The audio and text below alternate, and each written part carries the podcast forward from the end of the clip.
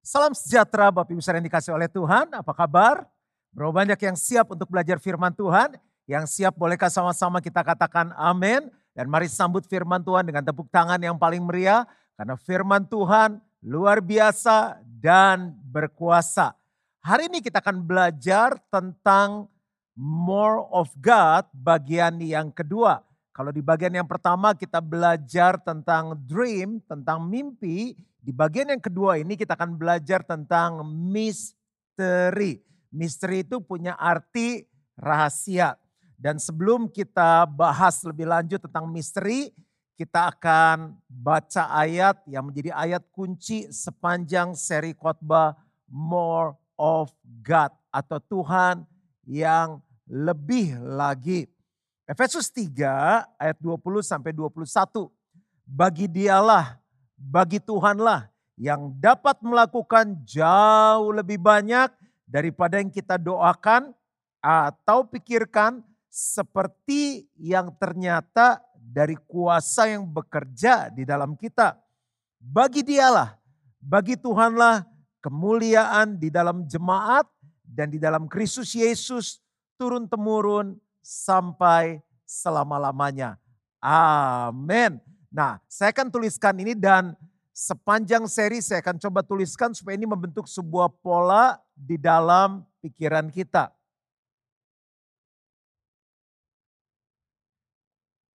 Saya tulis dulu judulnya More of God. Ini bagian yang kedua tentang misteri. Nah, more of God ini saya akan singkat dengan MOG ya. More of God artinya Tuhan yang lebih. Dan untuk kita bisa mengalami Tuhan yang lebih, mengenal Tuhan yang lebih, mengasihi Tuhan yang lebih, kita perlu mengerti prinsip ini. Kalau kita mau mengalami more of God, more of God, itu tergantung dari apa yang kita doakan, pray, atau kita pikirkan. Nah, kata pikir ini punya arti yang lain, yaitu apa yang kita imajinasikan, imajinasi, atau apa yang kita mimpikan, sesuai dengan kuasa yang bekerja di dalam kita. Di dalam kita ada kuasa, tapi mesti ingat more of God ini tujuannya untuk apa? Ayat 21 bilang bagi dialah kemuliaan. Jadi tujuan dari semuanya ini adalah untuk memuliakan Tuhan. For God's glory. Memuliakan Tuhan. Jadi ini adalah tujuan akhirnya untuk kita mengalami more of God. Ya, kita langsung masuk aja sekarang tentang misteri atau rahasia. Dalam kitab Ayub 11 ayat 7 dikatakan, dapatkah engkau memahami hakikat Allah, menyelami batas-batas kekuasaan yang maha kudus. Bahasa Inggrisnya lebih jelas dikatakan, can you fathom the mystery of God or attain to the limits of the Almighty?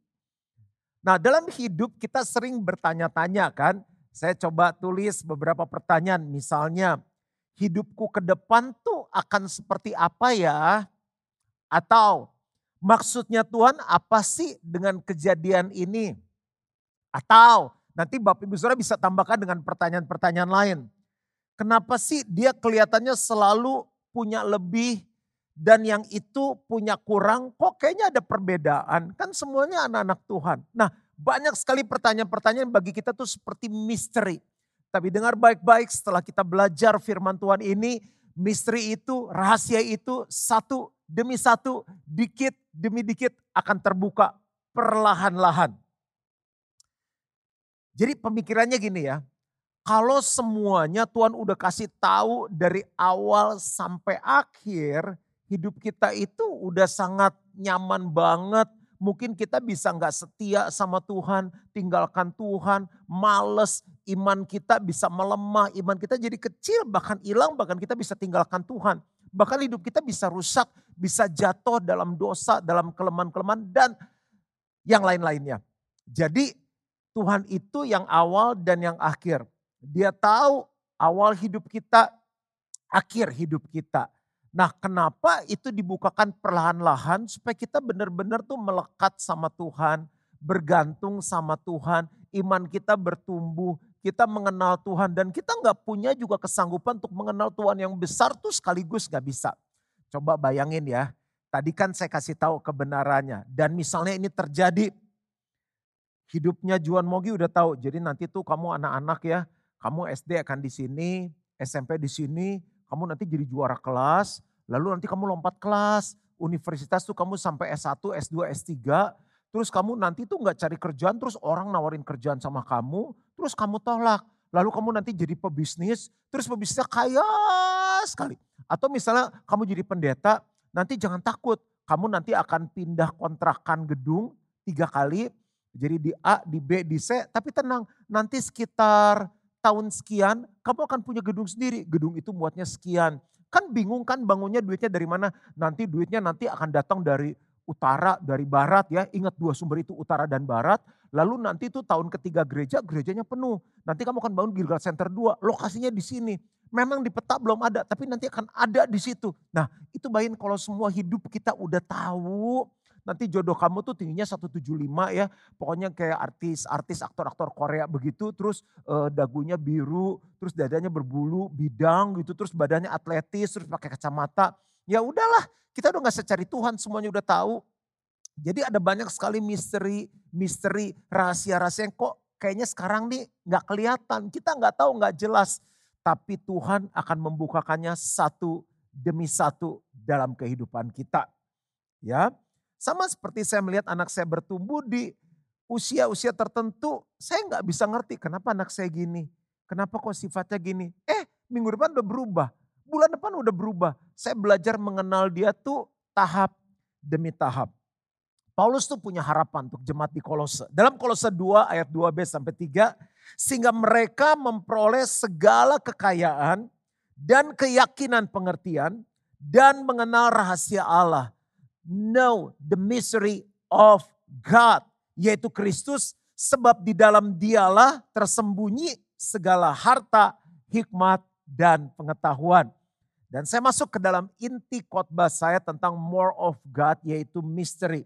Saya ambil dari Matius 14 ayat 25 sampai 33. Saya akan bacakan pelan-pelan, Bapak Ibu Saudara menyimak baik-baik karena nanti saya akan coba uh, menggali satu demi satu secara ekspositori.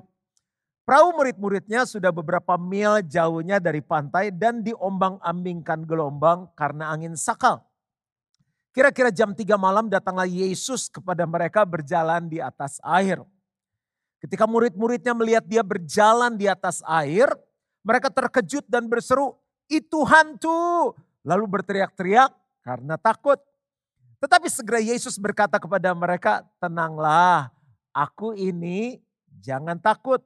Lalu Petrus berseru dan menjawab dia, Tuhan apabila engkau itu suruhlah aku datang kepadamu berjalan di atas air.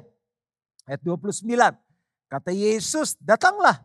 Maka Petrus turun dari perahu dan berjalan di atas air mendapatkan Yesus. Tetapi ketika dirasanya tiupan angin, Takutlah ia dan mulai tenggelam. Lalu berteriak, Tuhan tolonglah aku. Segera Yesus mengeluarkan tangannya, memegang dia dan berkata, Hai orang yang kurang percaya, mengapakah engkau bimbang? Lalu mereka naik ke perahu dan angin pun redalah. Dan orang-orang yang ada di perahu menyembah dia, katanya, sesungguhnya engkau anak Allah. Jadi saya minta disiapkan perahu dan habis ini saya akan mencoba menjelaskannya dari dalam perahu. Nah Bapak Ibu Saudara kalau bayangin ini jangan bayangin kapal pesiar yang gede. Saya juga pernah ikut cruise kapalnya gede nggak berasa apa-apa. Paling kalau mungkin anginnya kencang banget ya menggoyang dikit gitu ya. Orang di dalam uh, kapal itu bisa nonton, bisa berenang, bisa macam-macam kok. Tapi ini bukannya uh, apa itu ya kapal krus yang gede gitu, ini perahu, perahu. Jadi Ini saya kasih contoh perahu seperti ini. Nah saya pernah punya pengalaman beberapa kali naik perahu misalnya ke Lombok ya, ke nyebrang tuh ada gili air ya kalau nggak salah namanya. Pernah juga Kubunaken itu lebih sering lagi ke Manado. Nah itu naik perahu-perahu yang uh, ukurannya ya kurang lebih seperti gini. Ada yang lebih besar lagi. Bahkan pernah nyebrang ke beberapa pulau. Dan saya pernah mengalami masa-masa di mana anginnya kenceng itu benar-benar jantung itu mau copot. Aduh nyampe nggak ya walaupun bisa berenang tapi namanya ngelihat angin, ngelihat langit gelap, ngelihat apa namanya tuh itu biru semuanya mana daratannya ya. Walaupun gimana kan juga itu deg-degan. Jadi ini sebetulnya menggambarkan hidup kita. Kita seperti sedang naik perahu kehidupan, mengarungi kadang-kadang ada badai, ada hujan, petir, gelombang yang sangat besar, angin ribut. Nah bagaimana di saat-saat seperti itu kita bisa mengalami more of God. Mengenal rahasia Tuhan, mengenal misterinya Tuhan. Nah kita kan belajar tiga hal dan saya coba naik ke perahu ya. Ini walaupun di darat ya, bukannya air aja naiknya juga ngeri-ngeri.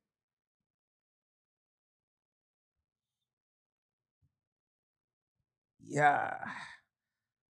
Pelan.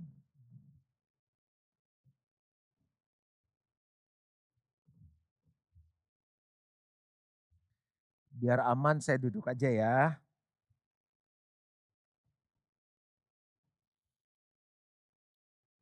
Iya, selamat. Bapak Ibu Saudara masih semangat belajar firman Tuhan? Sederhana aja. Jadi inti khotbah hari ini adalah bagaimana kita bisa mengalami more of God, Tuhan yang lebih lagi dalam kehidupan kita. Dari kisah tadi, waktu mereka mengalami angin ribut, kita bisa belajar tiga hal. Yang pertama adalah membangun komunikasi dengan Tuhan. Benar kan? Bicara mengenai misteri, bicara mengenai rahasia. Dia Tuhan yang hidup kok. Dia bisa berbicara. Jadi kalau ada hal-hal yang kita nggak ngerti, ada banyak pertanyaan-pertanyaan, tanyakan aja sama Tuhan. Seringkali pertanyaan itu jawabannya baru sedikit, baru 10%. Tapi lama kelamaan tambah jelas, tambah jelas ya kan. Dan ya kita nggak perlu putus asa kalau belum ada jawaban. Terus bertanya sama Tuhan, terus diajak ngobrol. Nah saya ini mau ajak saudara lihat ayat 26 sampai 28. Ketika murid-muridnya melihat dia berjalan di atas air, mereka terkejut dan berseru, itu itu hantu lalu berteriak-teriak karena takut. Nah perahu ini sering kali menggambarkan kehidupan kita secara pribadi.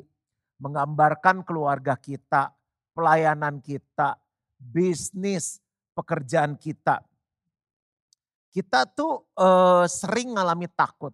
Itu sama seperti yang dialami oleh murid-muridnya. Bahkan saat Tuhan muncul Tuhan bekerja, Tuhan izinkan sesuatu terjadi yang gak sesuai dengan ekspektasi kita, itu bagi kita menakutkan seperti kita lihat hantu, lihat setan. Tetapi segera Yesus berkata kepada mereka, tenanglah, aku ini jangan takut. Ini kerinduan semua orang, hidupnya tenang, gak ada COVID-19, gak ada krisis ekonomi, gak ada badai, ya kan itu juga jadi isi hati Tuhan. Lalu Petrus berseru, kalau kita lihat terjadi komunikasi di sini. Lalu Petrus berseru dan menjawab dia, Tuhan apabila engkau itu. Nah waktu Tuhan datang jalan di atas air fokusnya itu bukan apa yang dia bisa buat, dia fokus sama pribadinya. Dia bilang gini, ini aku. Nah Petrus nangkep banget isi hati Tuhan. Petrus bilang begini, Tuhan apabila engkau itu dia berapa tertarik kepada pribadinya Tuhan. Suruhlah aku datang kepadamu berjalan di atas air. Komunikasinya Petrus tuh keren banget. Dia fokus sama pribadinya Tuhan. Lalu dia fokus ingin apa mendekat sama Tuhan. Coba kalau bisa aku mau jalan ke atas air. Dia ingin mendekat kepada Tuhan. Di sini saya belajar beberapa prinsip berkomunikasi kalau kita ingin mengalami more of God. Komunikasi yang baik itu jangan fokus dengan kita, tapi fokus dengan orang yang kita ajak bicara. Seringkali ya kalau kita ngobrol dan ketemu orang yang ya, ya dia ceritain diri dia sendiri. uh, saya tuh gini, keluarga saya tuh gini, usaha saya tuh gini, membanggakan diri sendiri, menceritakan masalahnya, lalu dia tanyakan apa yang dia mau tanya. Nah ada banyak orang sama seperti murid-murid yang di perahu. Murid-muridnya begitu Yesus bilang ini aku eh, jangan takut, yang lainnya dia nggak ngajak Yesus ngobrol.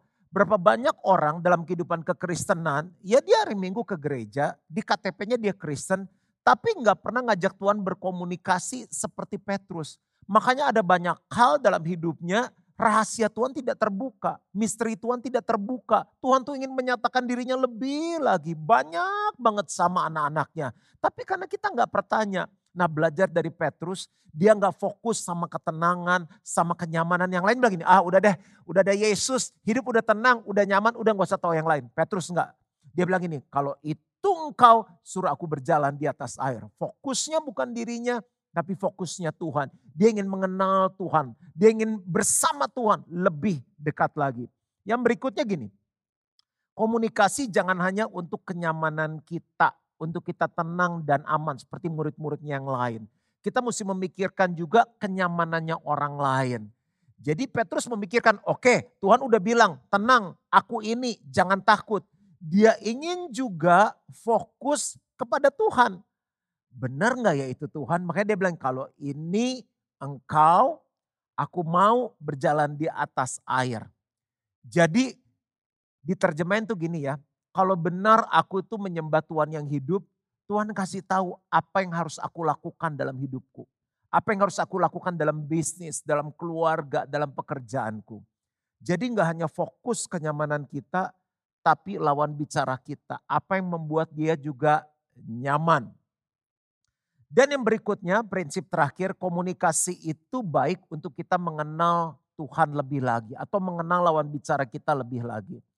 Saya itu punya banyak teman, sering banget ketemu teman baru. Bahkan dengan hobi saya sepeda sekarang itu, setiap kali dikenalin teman baru, ya tentunya kita dengan protokol, bahkan sepeda juga kita menggunakan masker.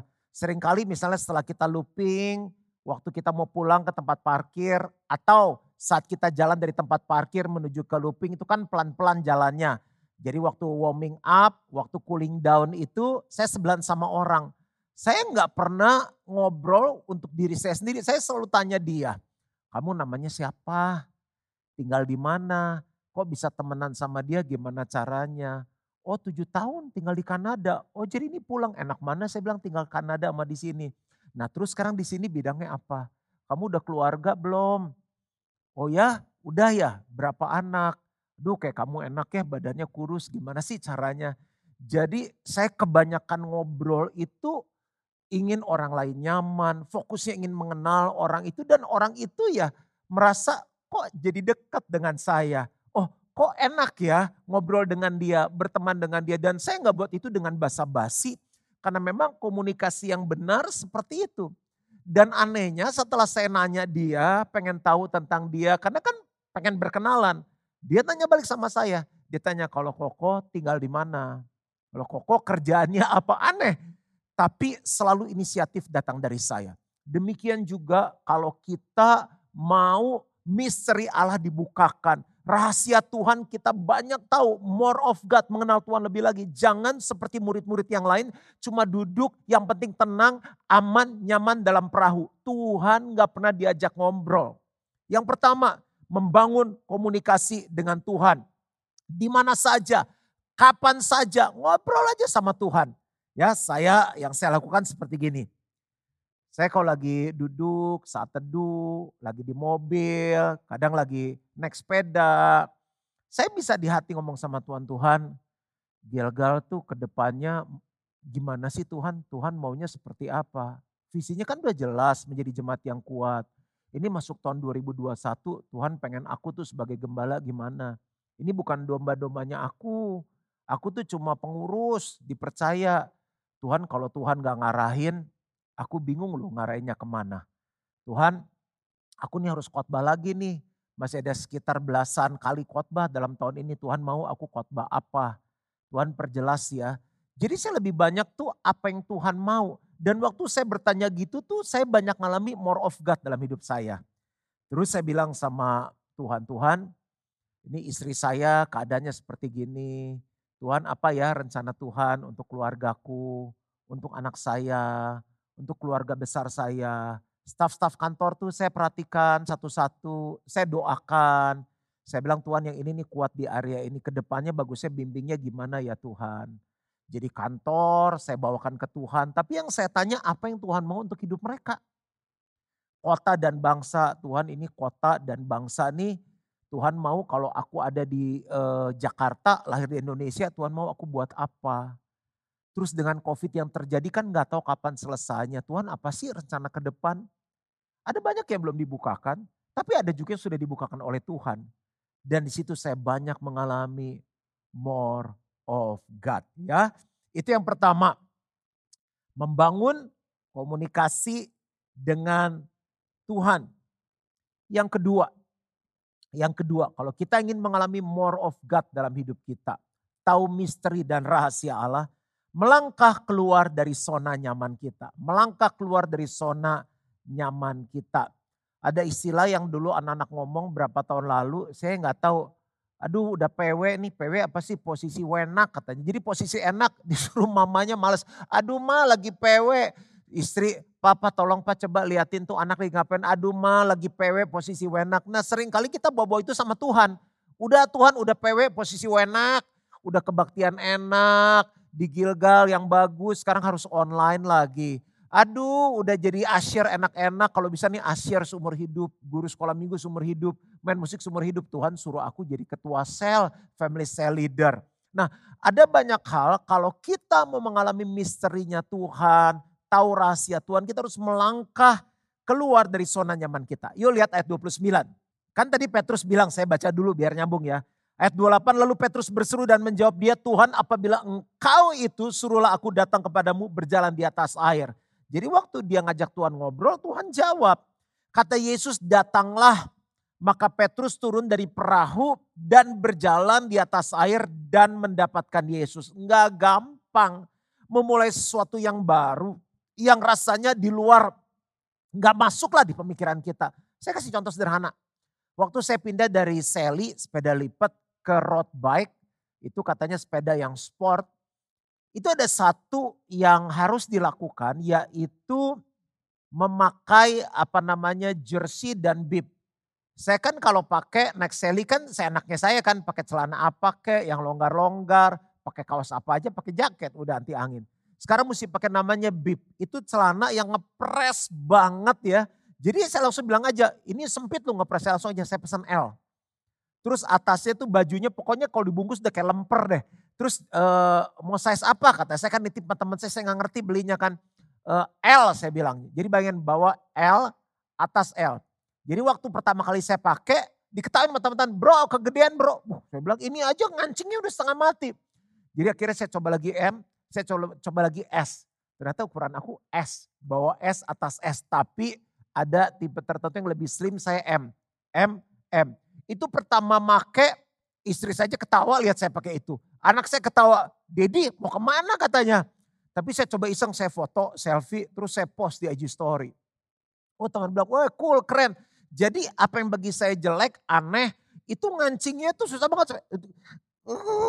Begitu, itu kayaknya kepres semua kayak lemper diketawain di keluarga. Tapi orang lain lihat bilang bagus. Malah ternyata setelah saya ketemu teman dan mulai sepedaan itu ada banyak gunanya untuk nahan angin lain-lain ya kan. Ternyata ya size-nya kecil. Nah itu kan keluar dari zona nyaman saya. Dari pakai baju seenaknya yang gombrong, pakai baju yang ketat. Satu lagi sepatu. Biasanya saya pakai sepatu apa aja? Pakai sepatu sneakers udah goes. Pakai slip on saya goes. Ternyata kalau untuk road bike itu ada sepatu namanya cleat. Jadi pedal sepedanya beda, jadi itu dikaitin. Jadi uh, waktu kita mau ngayu di klak gitu. Nah kalau mau turun itu mesti buka gini. Uh, kakinya kan udah nempel nih mesti digini. Klak kita geser. Dan itu juga nggak gampang. Jadi saya gini, ada dua orang yang suka sepeda di kompleks saya. Dan mereka juga beralih ke road bike. Yang satu bilang ini, bro Lu tahu nggak kenapa banyak orang jatuh? Gara-gara pakai klit itu. Udah jangan deh pakai sepatu biasa aja nih kayak gua. Teman saya satu lagi dia bilang ini, saya udah tanya ke mana-mana sama orang katanya. Pokoknya jangan coba pakai klit itu. Nah saya kan dengerin dua itu bingung ya. Jangan ya, jangan ya itu tertanam. Tapi saya coba belajar. Saya tanya sama salah satu pengurus ketua di uh, badan persepedaan lah ya, federasi sepeda. Saya tanya sama orang-orang yang udah jago, mereka bilang enggak justru harus pakai klit katanya. Sebentar kalau jatuh ada istilahnya uh, apa ya jabe jatuh bego. Uh, dia bilang enggak itu butuh latihan aja. Apa yang terjadi karena ini kebenaran yang ngomong ya ketua atlet ya. Jadi saya pasang klit itu di sepeda, itu pertama kali mau mulai itu gemeterannya minta ampun. Saya suruh mbak saya pegangin, habis itu saya latihan sini di komplek puluhan kali saya copot, lepas, copot, lepas. Sama sekali gak jatuh. Saya langsung terjun ke lapangan, orang bilang gini hebat banget langsung ke jalannya pakai klit. Wah itu jantung deg-degan, deg-degan karena keluar dari comfort zone saya. Akhirnya saya jatuh sekali. Jatuhnya kenapa? Sebetulnya udah bener semuanya, cuma gara-gara Garmin saya tuh alat penunjuk apa komputer kecil di sepeda itu nggak nyala. Saya pencet-pencet-pencet, lupa, saya nggak ngayu, gubrak jatuh. Selebihnya itu nggak jatuh. Tapi pertama kali dari yang udah biasa nyaman, menuju sesuatu yang baru banyak hal nggak nyaman. Nah ikut Tuhan kayak gitu. Sekarang saya nikmatin rasanya. Pakai baju yang ketat gimana, terus pakai uh, cleat, naik road bike tuh kayak gimana. Ada banyak, saya banyak pengalaman dan untungnya saya pengen nyoba, pengen explore. Nah waktu saya ikut Tuhan, Tuhan suruh saya itu naik level, keluar dari comfort zone saya. Saya bilang gini, di dunia aja waktu saya keluar dari comfort zone saya ketemu banyak hal yang indah. Apalagi kalau Tuhan yang suruh, saya mau. Di situlah saya ketemu misteri Tuhan, rahasia Tuhan terbuka sedikit demi sedikit, tahap demi tahap. Dan saya mengalami more of God dalam hidup saya. Berapa banyak Bapak Ibu Saudara yang mengikuti kebaktian ini ingin mengalami more of God. Melangkah keluar dari zona nyaman kita. Aduh, di perahu goyangan juga gemeteran, ini jalan di atas air. Saya suka berenang tapi nggak pernah jalan. Kalau jalan di dalam air pernah ringan, tapi jalan di atas air, hmm. Saya ikut Tuhan dari tahun 87 lahir baru.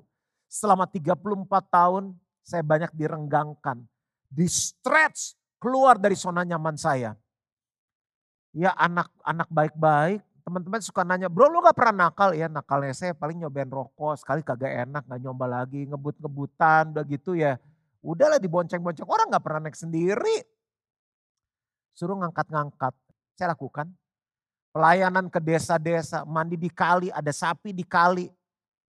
Oke siap, direnggangkan kapasitas saya. Suruh main musik, siap Suruh nyanyi, siap. Ya asal yang denger tahan aja ya. Suruh khotbah, siap. Mimpin kaum muda, siap. Wah enak ya, hebat. Enggak, itu merenggangkan kapasitas. Suruh melayani orang yang jauh lebih tua dari saya puluhan tahun. Siap, bayangin mau ngomong apa loh. Suruh jalanin anak-anak, siap. Parkir, siap.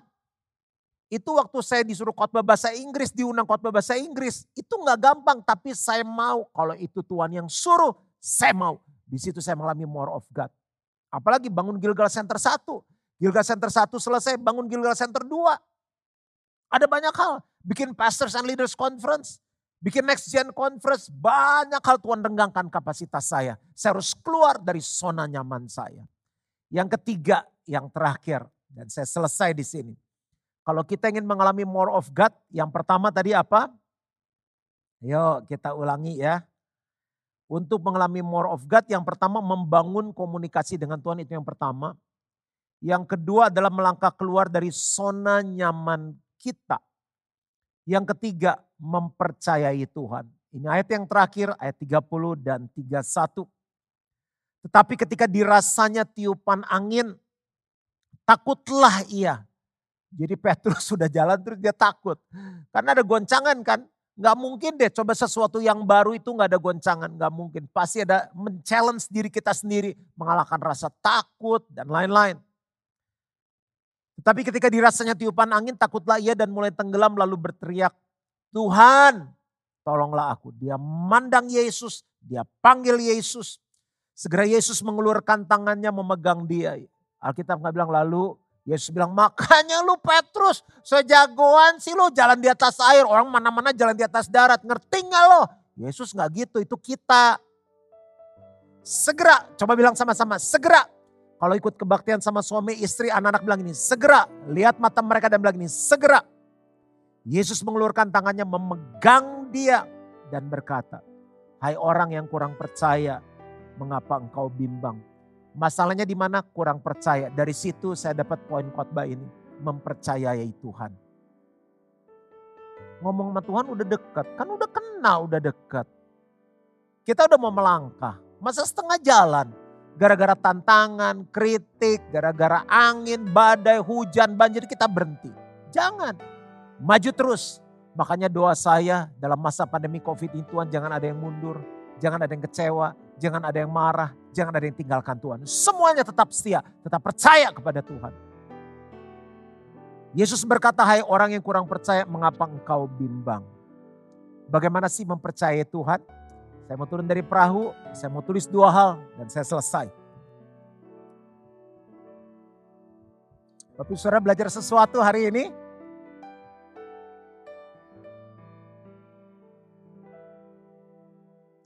Jadi ini poin saya yang terakhir mempercayai Tuhan.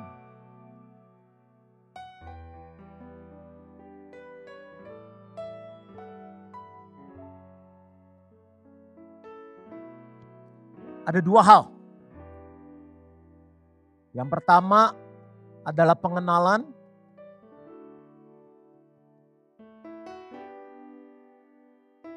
Yang kedua adalah pengalaman.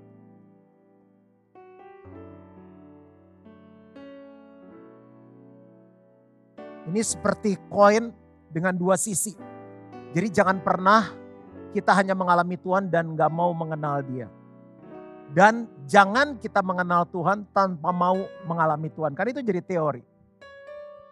Kalau ingin mempercayai Tuhan ada dua hal. Pengenalan dan pengalaman. Kenal dia.